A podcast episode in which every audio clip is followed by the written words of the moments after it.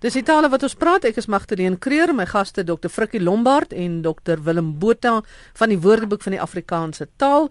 Dit is taalnavraag tyd en ons spring weg met 'n vraag van Flip Leroux wat vra dat ons asseblief praat oor konferensie wat deesdae in die uh, sin van rugby gebruik word. Uh, ons moet ook gesels oor die woord derby vir 'n rugbywedstryd. En hy is een van die hele paar luisteraars wat daarop wys dat die aantal spene en nie die grootte nie bepaal of 'n vroulike dier 'n ooi of 'n koei is. So is 'n bietjie rugby en dan weer terug na die dierewêreld toe. En ek dink Frikkie, ons vra vir jou. Ja, flip dit en miskien moet ek wegspring by hierdie uh, netelige saakie van die van hoe 'n mens weet flip sê en dan 'n hele paar ander Franswa vir die uh, Paul van Seilgert goed sê sê 'n mens weet dat 'n vroulike dier met vier bene, 'n eier en vier spene het, is sy 'n koei. As sy net twee spene het, is sy 'n ooi en papi en mammy sal dan 'n ram of 'n bul wees ooreenkomstig die, die vroulike geslag se se bou en se voorkoms. Nou ja, daar leer ons iets. Baie dankie daarvoor. Dan gaan dit dat flip vra oor konferensie wat hy skielik van hoor. Hy uh die mense praat van die rugby, die Suid-Afrikaanse spanne as die konferensie van Suid-Afrikaanse spanne en die Australiese konferensie of die Nieu-Seelandse konferensie en hy het selfs al gehoor dat mense praat van die Australiese konferensie wat natuurlik heeltemal verkeerd is want ons praat van Australies en Australiërs nie Australiaans nie. En hy wil weet wat daar aangaan want hy kry nie konferensie in daardie betekenis in enige woordeboek nie en verder gaan dit dan oor Derby en ons gaan dit daaroor gesels. Nou Ek het bietjie gekyk en ook uh kollegas bietjie geraadpleeg en ons het uh, agtergekom maar conference in Engels word ook gebruik buite die terrein van die handel en nywerheid onder andere in die betekenis van an association of sports teams or athletic clubs which usually play each other word dan genoem 'n conference. Nog 'n woordeboek sê a group of sports teams that play against each other and that are part of a larger league of teams. Nou Tom McLaughlin voel dat 'n mens miskien kan praat van 'n groepering, die Suid-Afrikaanse groepering.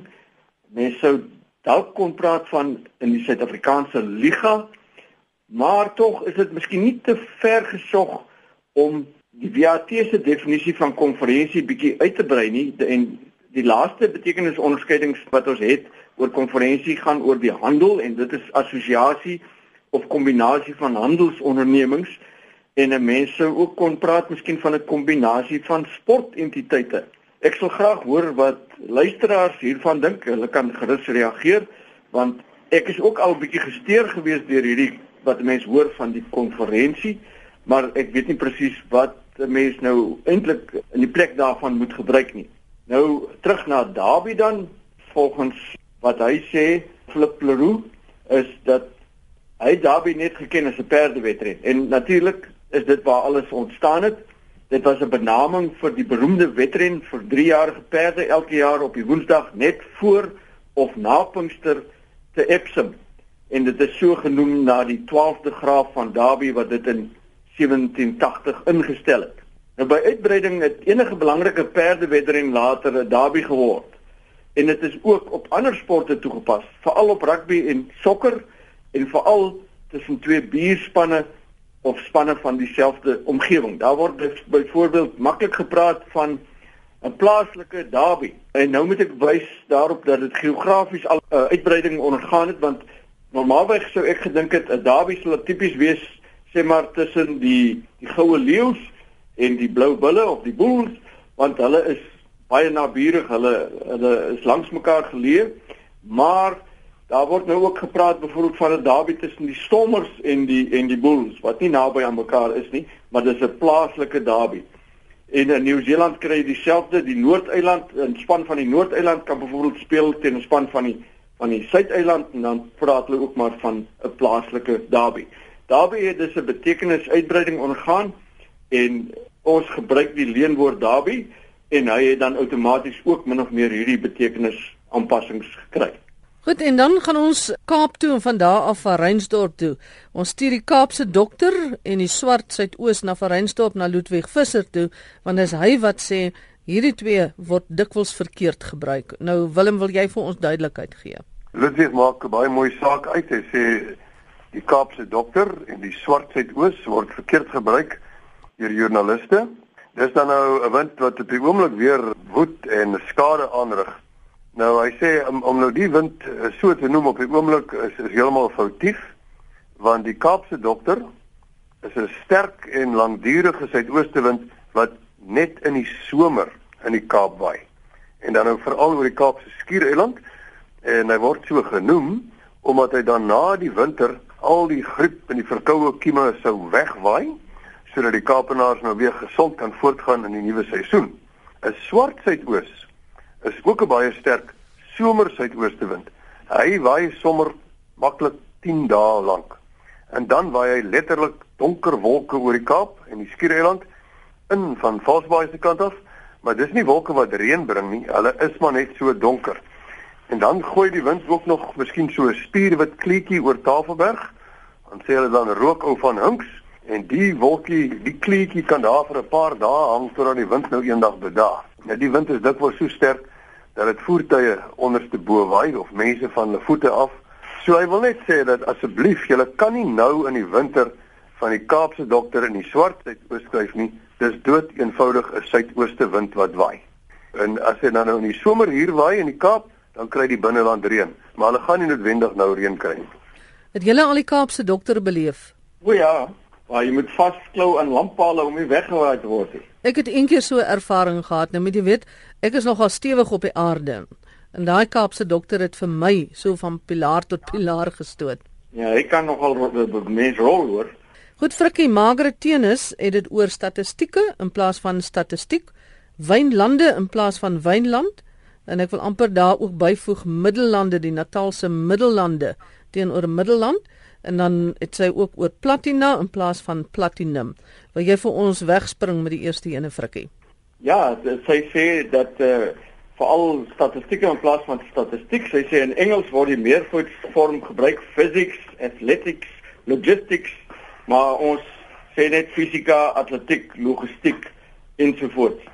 Eh uh, en ons moet dus in Afrikaans praat van statistiek en nie statistieke nie en sy sê dan ook die staatse organisasie wat met statistiek werk se Afrikaanse naam behoort te wees Statistiek Statistiek Suid-Afrika en nie Statistieke Suid-Afrika nie. Nou hier moet ek helaas bietjie verskil van haar. Wanneer 'n mens praat van die vak of die dissipline, dan praat ons van statistiek.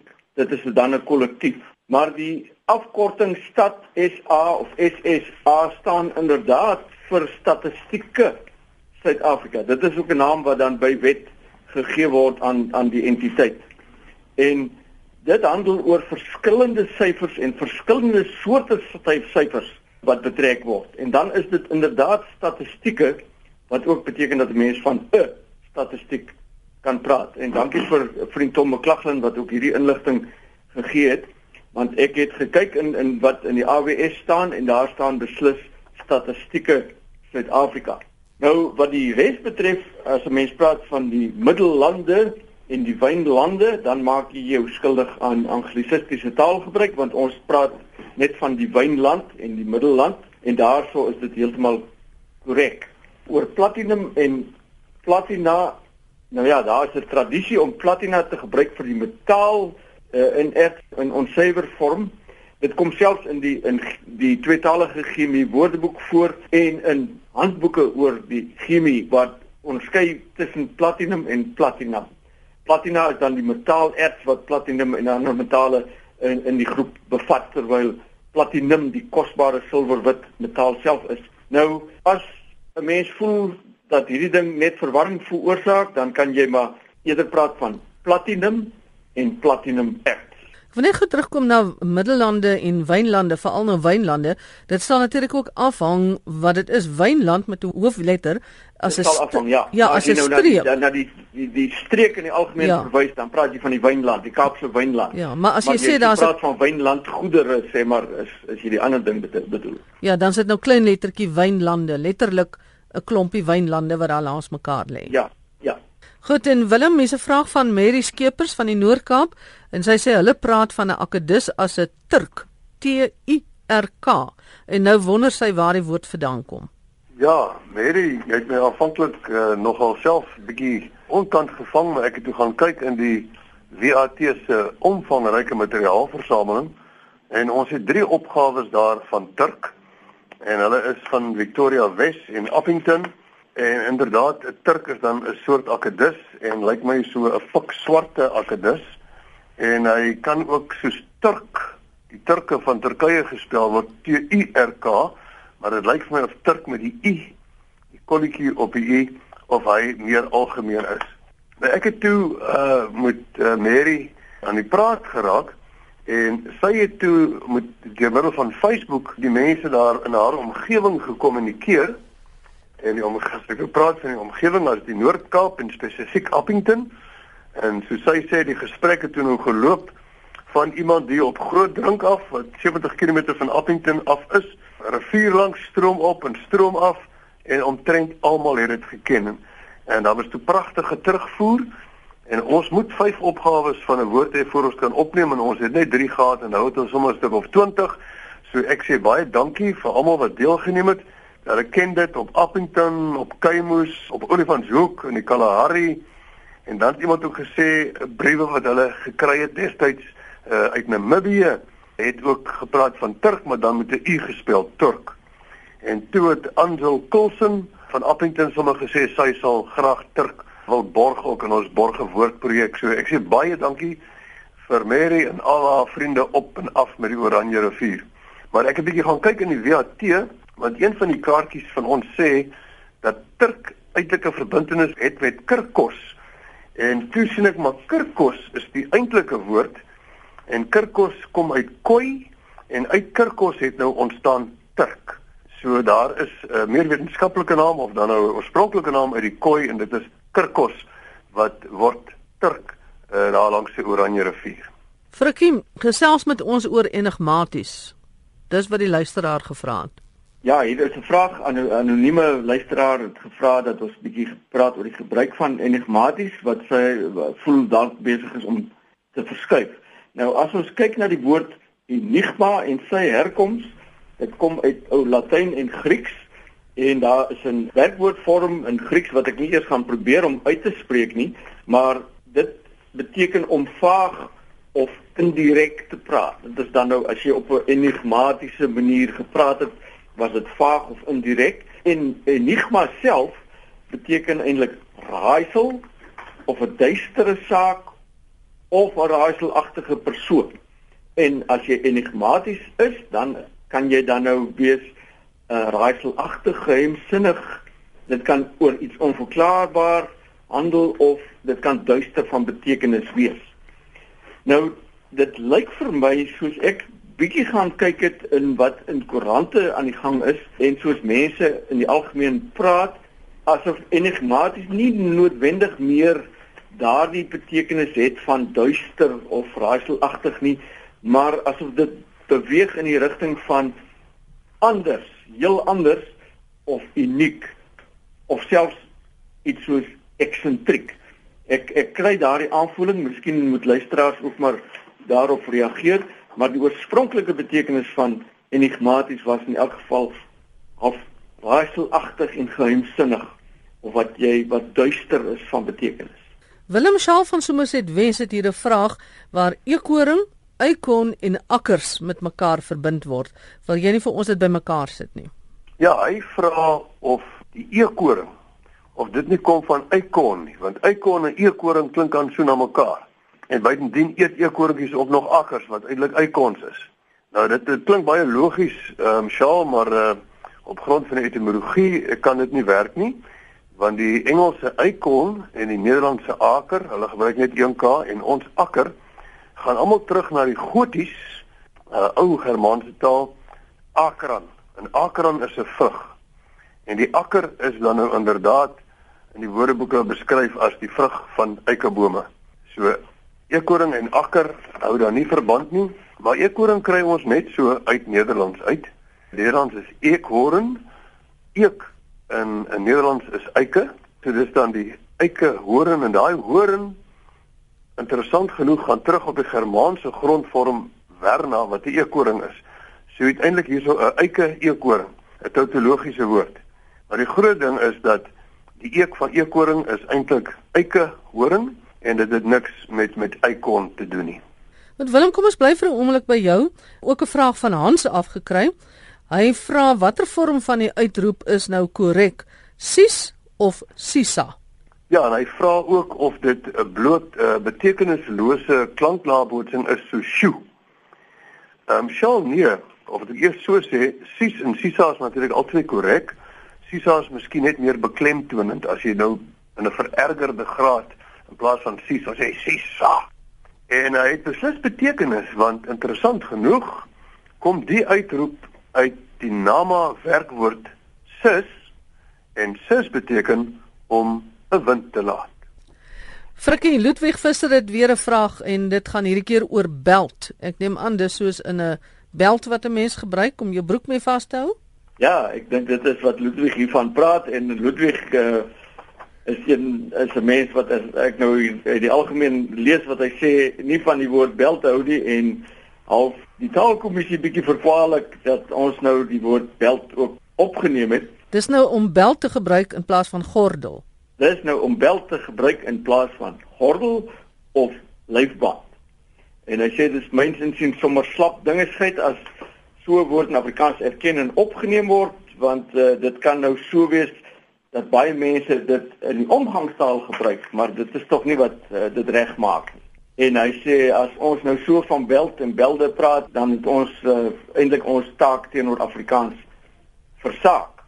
Ludwig, ek ek moet sê en ek moet bely dat in die gesin waar ek groot geword het, het ons gepraat van belt. En belt word al baie lank word dit algemeen aanvaar as 'n woord wat hom ingewoeker het in die taal naas natuurlik gordel of lyfband in so 'n mate dat gordel en lyfband se frekwensie nou laer is as die van belt. Nou ek weet jy sê en miskien tereg dat frekwensie nie alles behoort te wees nie, dat 'n mens na ander aspekte ook moet kyk. Maar ek wil hom sê dit is nou nie heeltemal net die die taalkommissie wat hier uh moet verantwoordelikheid voorneem nie want ander mense het al voor ons dit gedoen. En ons ry ook nie woordeboeke in die wiele soos daar gedink word deur elke nou en dan iets te verander nie.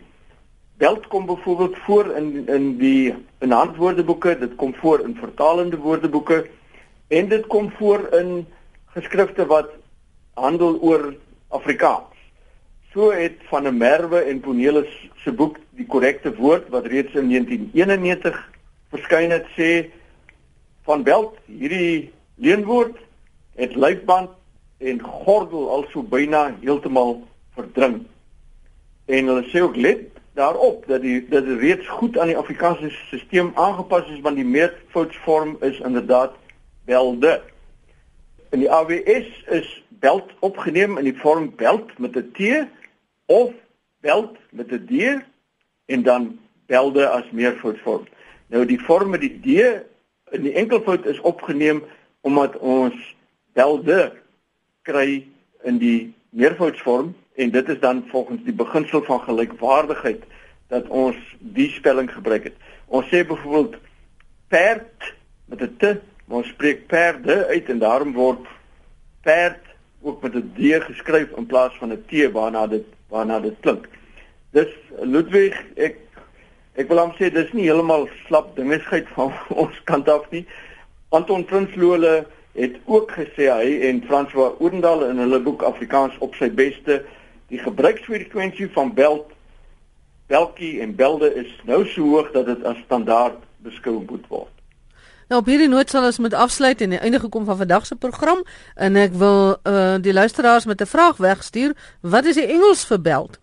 En miskien kan hulle vir ons laat weet. Dankie Frikkie Lombard en Willem Botha van die Woordeboek van die Afrikaanse taal.